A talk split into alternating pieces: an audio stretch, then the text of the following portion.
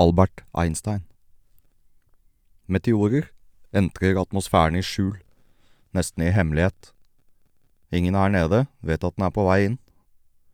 Vi ser opp mot stjernehimmelen fra tid til annen. Noen av oss forsøker å forutse om en virkelig stor kommer, men ingen av oss kan stanse det likevel. Så entrer meteoren, og i noen korte øyeblikk slåss den mot jordens atmosfære brøyter seg vei gjennom den etter millennium ut i det endeløse kosmos. Den lyser opp i en enorm, lydløs ildkule. Skjønt kunne du vært der oppe med den, ville den nok vært alt annet enn lydløs. Den lyser opp himmelen over hodene våre, og når vi løfter blikket, blir vi lamslått over at den kunne snike seg innpå oss på den måten. Luske rundt i milliarder av år, bare for å overrumple oss i et lite øyeblikk så man liksom må være på rett sted til rett tid for å få med seg. Kanskje det er derfor vi har for vane å ønske oss noe når vi ser et stjerneskudd. De fleste nobelprisvinnere gjør sitt prisvinnende arbeid når de er forholdsvis unge. Albert Einstein var 26 da han formulerte relativitetsteorien. Det var liksom da han lyste sterkest. Da jeg var 26, var jeg bilmekaniker bare utdannet bilmekaniker. Jeg jobbet med noe helt annet, men det er ikke så viktig. Og Henriette jobbet som vikar på biblioteket.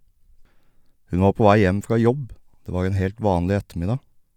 Sånn ut av det blå lager bilen en forferdelig lyd, liksom stønnende og så hostende, sånn beskrev Henriette det.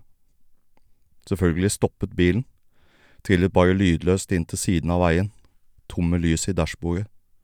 Bildekkene knaste rolig mot grusen i veikanten, helt til det ikke var mer momentum igjen, og da var det helt stilt. Det blir overraskende stille langs en motorvei, selv i rushtrafikken. Kanskje ekstra i rushtrafikken. All støyen glir på en måte bakerst i bevisstheten. Den ene buldrende lyden av vind og gummi, asfalt og piggdekk tar den andre igjen, og fyller hodet med en brusende tomhet. Det var sikkert bare tilfeldig, at jeg kom kjørende forbi akkurat da. Det må ha vært hundrevis av folk på veien samtidig som mistet henne så vidt. Jeg sa åpne panseret, det er ikke sikkert det er noe alvorlig. Hun sa du er en reddende engel.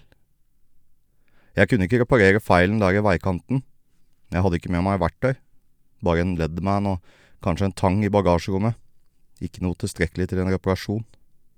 Man må ha deler også, ikke nødvendigvis bildeler men i det minste smådeler med flere bruksområder. Vannjern, skiver, noen mutter er alltid greit å ha, kanskje en boremaskin og gjengetapper. Men jeg tilbød henne å taue henne hjem. Hun hadde ikke slepetau, men det hadde jeg i bilen. Jeg er litt nervøs for å taue, sa hun, og jeg sa at det gikk helt fint. At jeg kunne sitte i bilen hennes, så kunne hun kjøre min foran, akkurat som hun ville gjort til vanlig. Det er lett å se herifra fra hagen vi plantet sammen, at det var da jeg brøt atmosfæren. Det var glimtet i kosmos. Jeg var like gammel som Albert Einstein. Det syntes jeg var en seier. Men noen ganger brenner ikke stjerneskuddet opp. Noen ganger treffer det jorden i en formidabel eksplosjon. Du kan fremdeles ønske deg noe om du ser et slikt stjerneskudd, så lenge du ikke står der det lander.